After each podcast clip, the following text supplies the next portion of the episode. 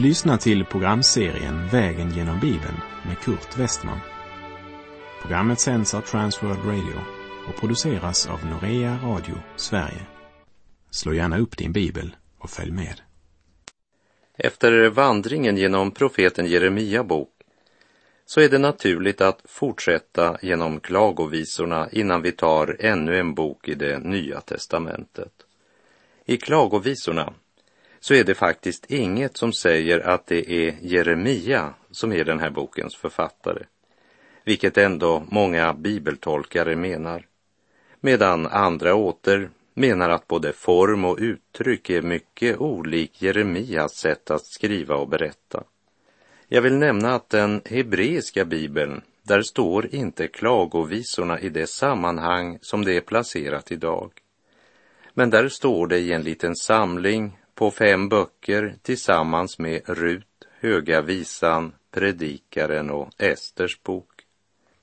Men det viktiga är ju inte om Jeremia är författaren eller om det här budskapet skrivits ner av någon annan.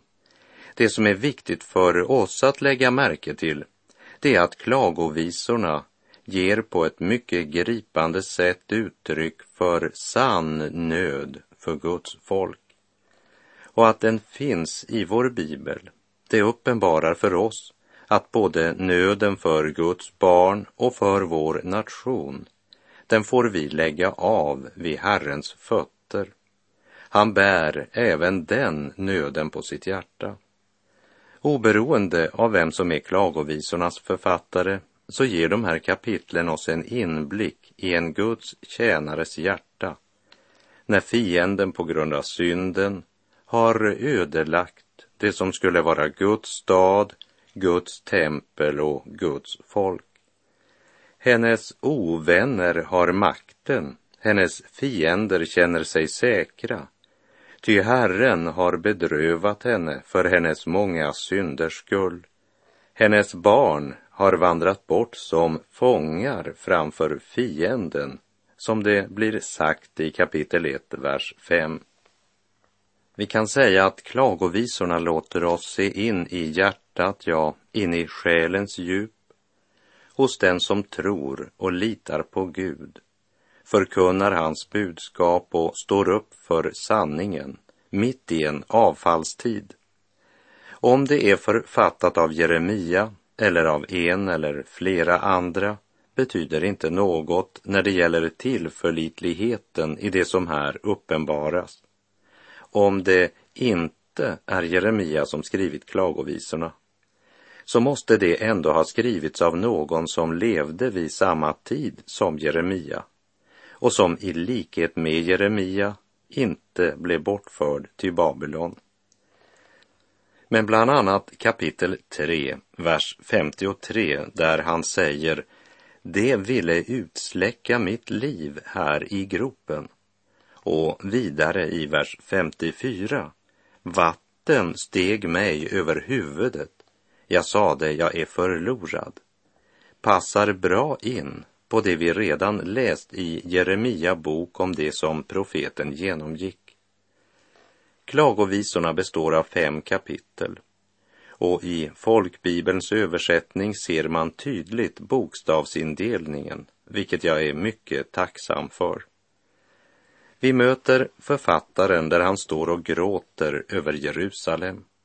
En gripande, stark medömkan, skriven i poetisk form. En bok full av tårar och sorger. En smärtornas sång, det förkrossade hjärtats hymn. Klagovisorna är Bibelns klagomur. Tårar, det räknas ju som ett tecken på svaghet i vår kultur. Och kanske blir det så i en kultur utan Gud och i en tid där vi fostrat en generation utan medkänsla för dem som lider. Det värsta är att det har smittat även oss kristna.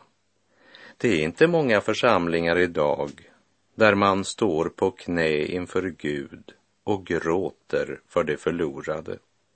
Därför är klagovisorna en mycket viktig bok för oss som lever idag.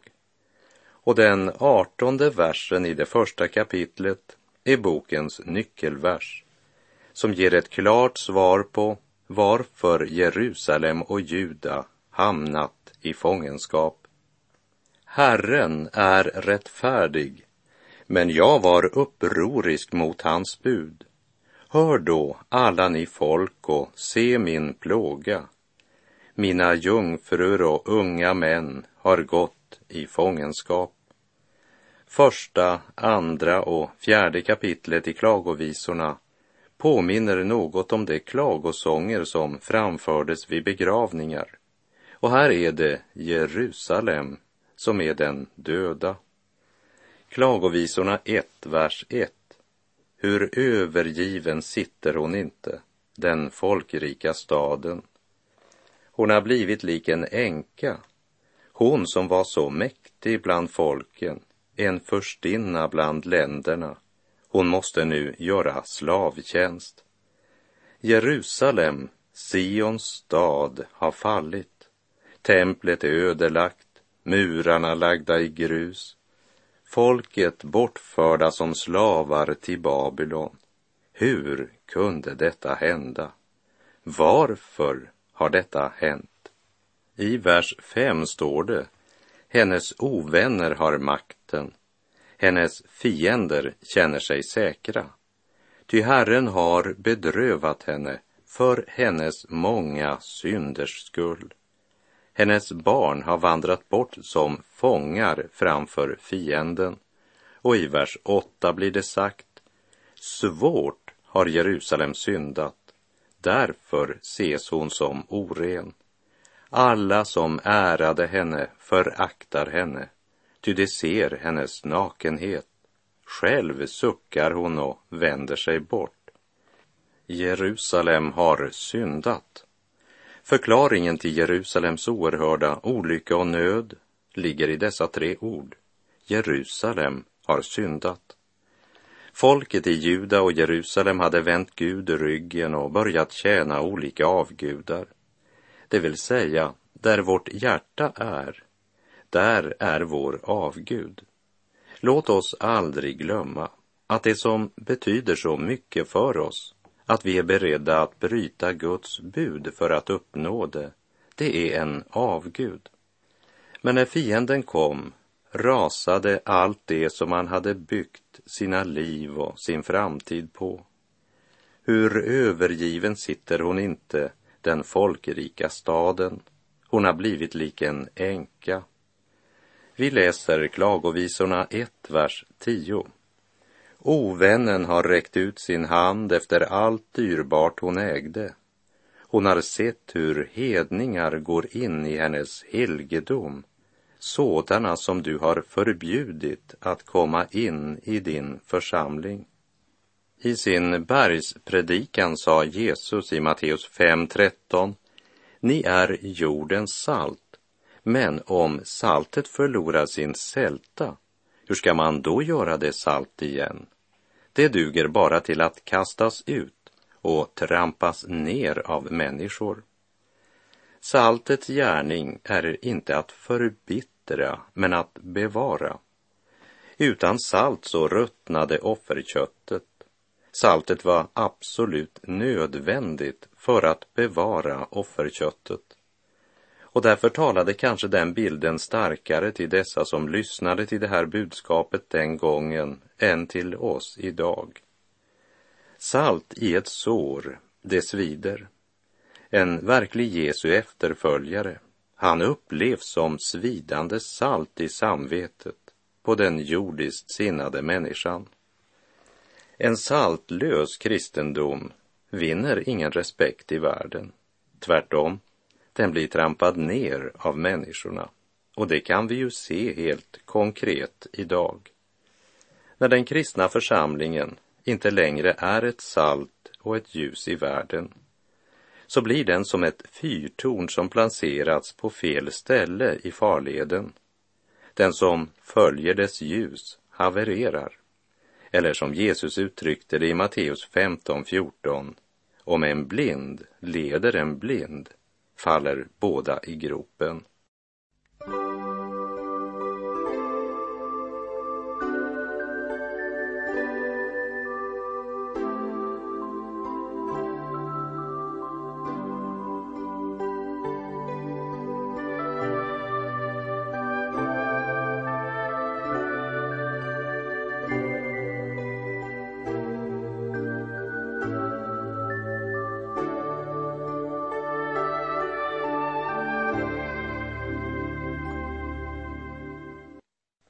Vi läser Klagovisorna 1, vers 14. Till ett ok knöts mina synder samman. Av hans hand vävdes det ihop. Det har lagts över min nacke. Han har brutit ner min kraft. Herren har lämnat mig i händerna på dem som jag inte kan stå emot. Till ett ok knöts mina synder samman. Nej, synden ger aldrig vad den lovar. När Satan skulle föra Jerusalems barn in under träldomens ok så kallade han oket för frihet. Ett annat ok kallade han njutning. Åter ett annat för ära, berömmelse eller makt. Var din egen herre. Låt inte andra binda dig. Gör det du vill. Följ din egen lust. Då blir du en fri människa. Gör dig fri från Gud. Men var hade det nu blivit av glädjen, lyckan och friheten? Synderna hade inte skapat lycka för folket i Jerusalem, utan synden hade knutit samman som ett ok om deras nacke. Synden hade brutit ner deras kraft. Fienden hade gjort dem till slavar. Syndens lön är döden, säger Romarbrevet 6.23. Det är inte Gud som gör människan olycklig. Det är synden. Det är inte alls som världen tror. De tror att den kristna tron är en morallära, men det är den inte. Den kristna tron är gemenskap med en person, med Gud själv. Människan måste om och om igen återvända till den punkt där hon blir stilla och besinnar att Gud är Gud. Eljest kan vi aldrig lära känna varken oss själva eller Gud. Till ett ok knöts mina synder samman. När vi inser och förstår att vi har syndat, då har det första ljuset från evighetens värld tänts i våra hjärtan. Till ett ok knöts mina synder samman. All synd medför en eller annan form för njutning eller tillfredsställelse. Om det inte var så skulle ingen människa bry sig om att synda. Men saken är den att synden medför inte bara njutning utan medför också förbannelse. Det är syndens natur. Men Satan, han inbillar människan att hon ska kunna ta det ena och slippa undan det andra. Och först när det är för sent upptäcker människan att hennes synder knöts samman till ett ok på hennes egen nacke. Vi läser Klagovisorna 1, vers 16. Därför gråter jag, mina ögon flödar av tårar. Ty fjärran ifrån mig är den som kan trösta mig och vederkvicka min själ. Mina barn är övergivna, ty fienden har blivit mig övermäktig. Det blev inte alls som man hade tänkt. Livet blev varken rikt eller meningsfyllt. Lyckan blev kort och ersattes av tomheten, oron. När lyckan hade vänts i olycka räckte Sion ut sina händer, men det fanns ingen som tröstade henne. Jerusalem hade blivit som något orent bland dem. Vi läser Klagovisorna 1, vers 18. Herren är rättfärdig, men jag var upprorisk mot hans bud. Hör då alla ni folk och se min plåga. Mina jungfrur och mina unga män fick gå i fångenskap. Det är ett rop som gäller alla länder och folkslag. Lägg märke till hur det gått för oss som förkastat Gud och följt våra egna bedrägliga hjärtan. Det förde inte till frihet utan till fångenskap.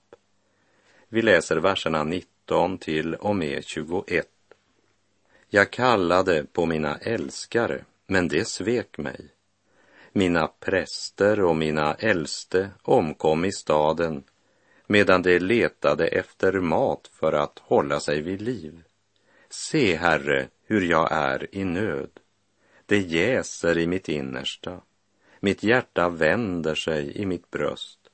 Ty jag har varit mycket upprorisk. Ute gör svärdet mig barnlös. Inomhus finns endast död. Man hör hur jag suckar, men ingen finns som tröstar mig. Alla mina fiender har hört om min olycka och gläder sig över att du har gjort detta. Den dag du förkunnat har du låtit komma, men det skall gå dem som mig. Vi lägger märke till orden i slutet av vers 21. Den dag du förkunnat har du låtit komma. Det var ju det de inte ville tro och inte ville lyssna till. Guds budskap genom profeten passade inte detta ogudaktiga folk. De valde att lyssna till de präster som serverade falsk tröst. Men nu så har både präster och äldste omkommit i Jerusalem och det som Jeremia förkunnade hade nu kommit. Gud gör det han gör därför att han är rättfärdig. Han kan inte se mellan fingrarna med synd och orättfärdighet. Han kan inte blunda för det onda. När hans folk trampar på hans heliga lag och vilja är straffet oundvikligt. Den dag du förkunnat har du låtit komma.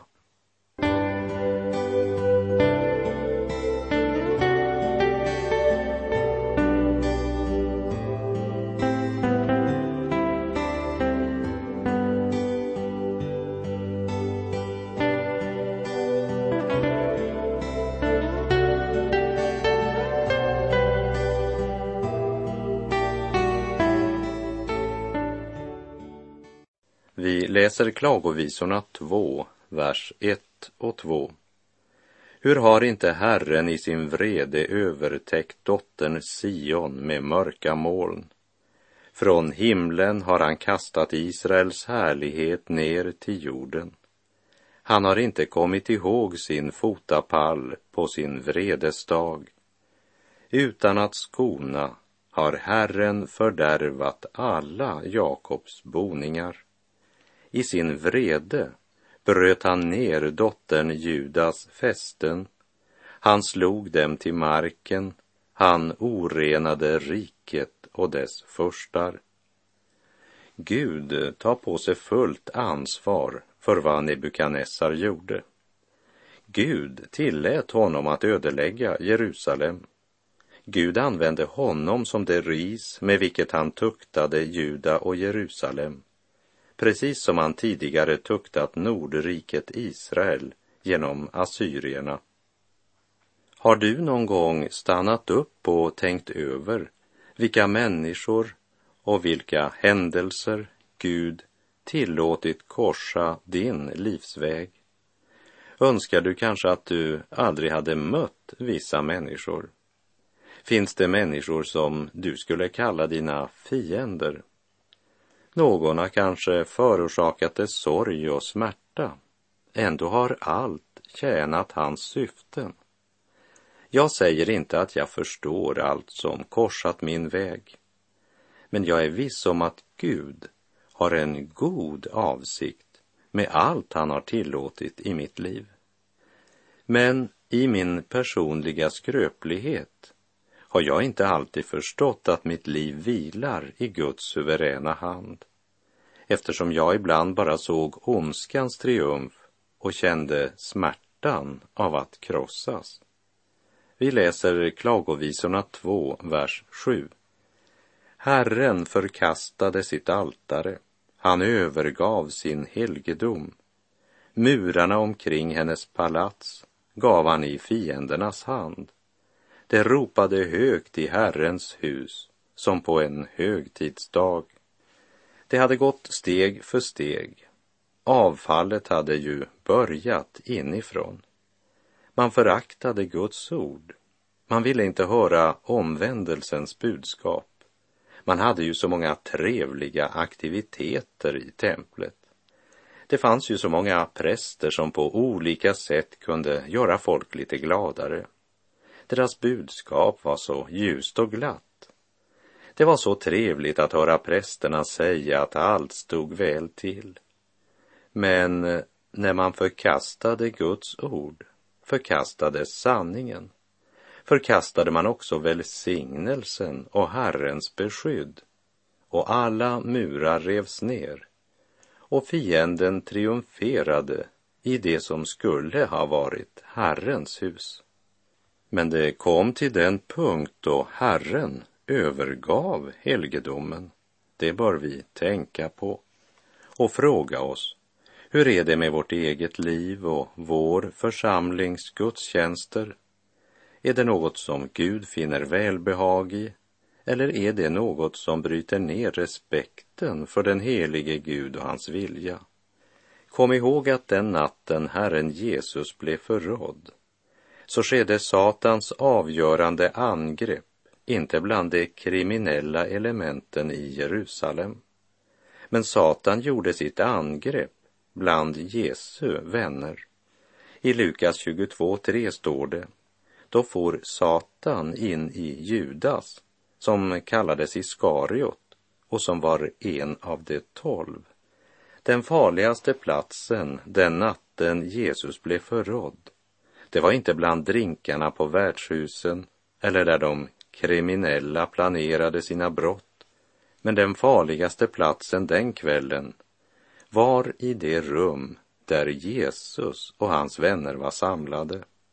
Varför? Därför att Satan också var där. Evangelisten Johannes skriver i kapitel 13, vers 27.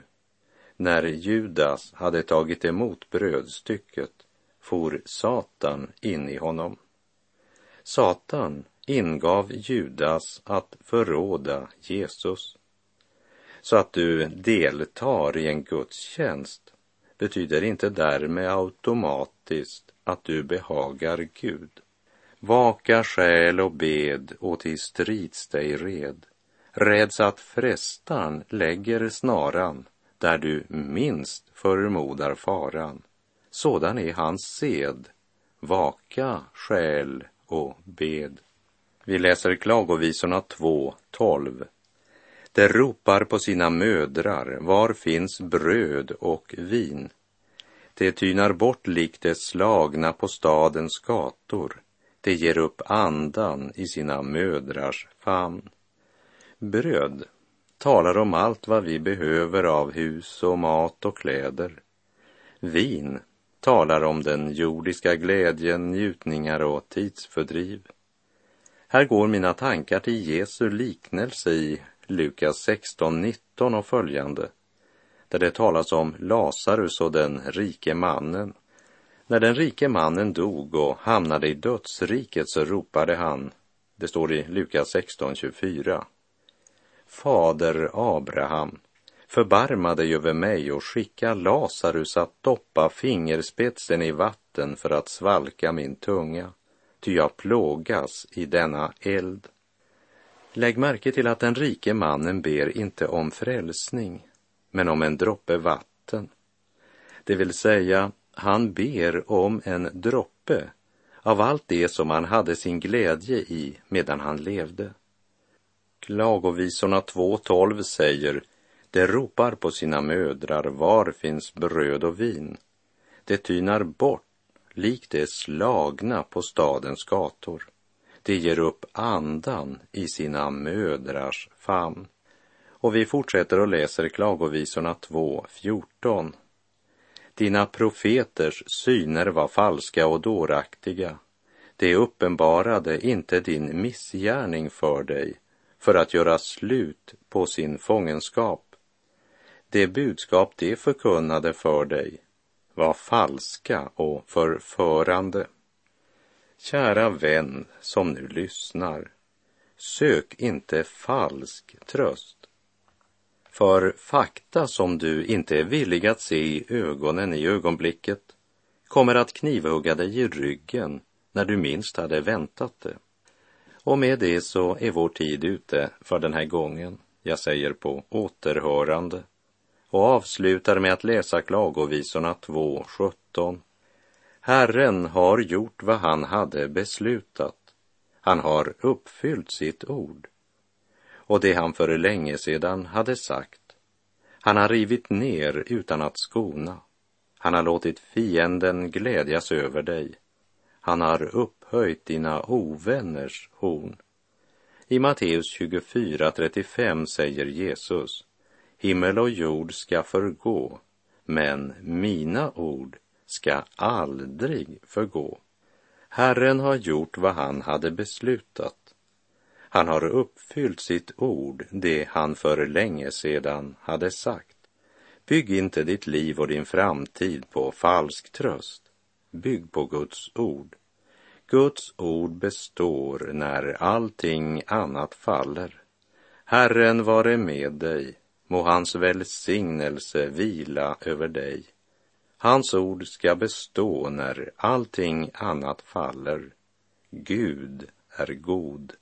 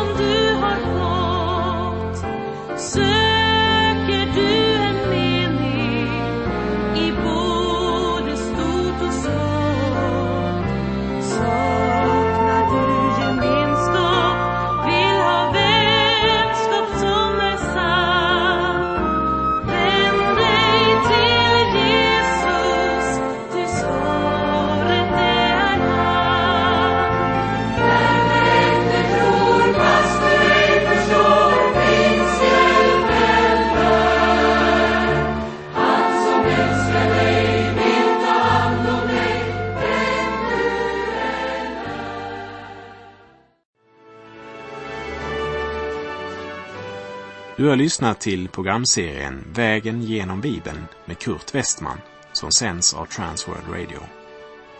Programserien är producerad av Norea Radio Sverige. Om du önskar mer information om vårt radiomissionsarbete så skriv till Norea Radio Sverige, box 3419 103 68 Stockholm. Adressen är alltså Norea Radio Sverige, box 3419. Postnumret 10368 Stockholm.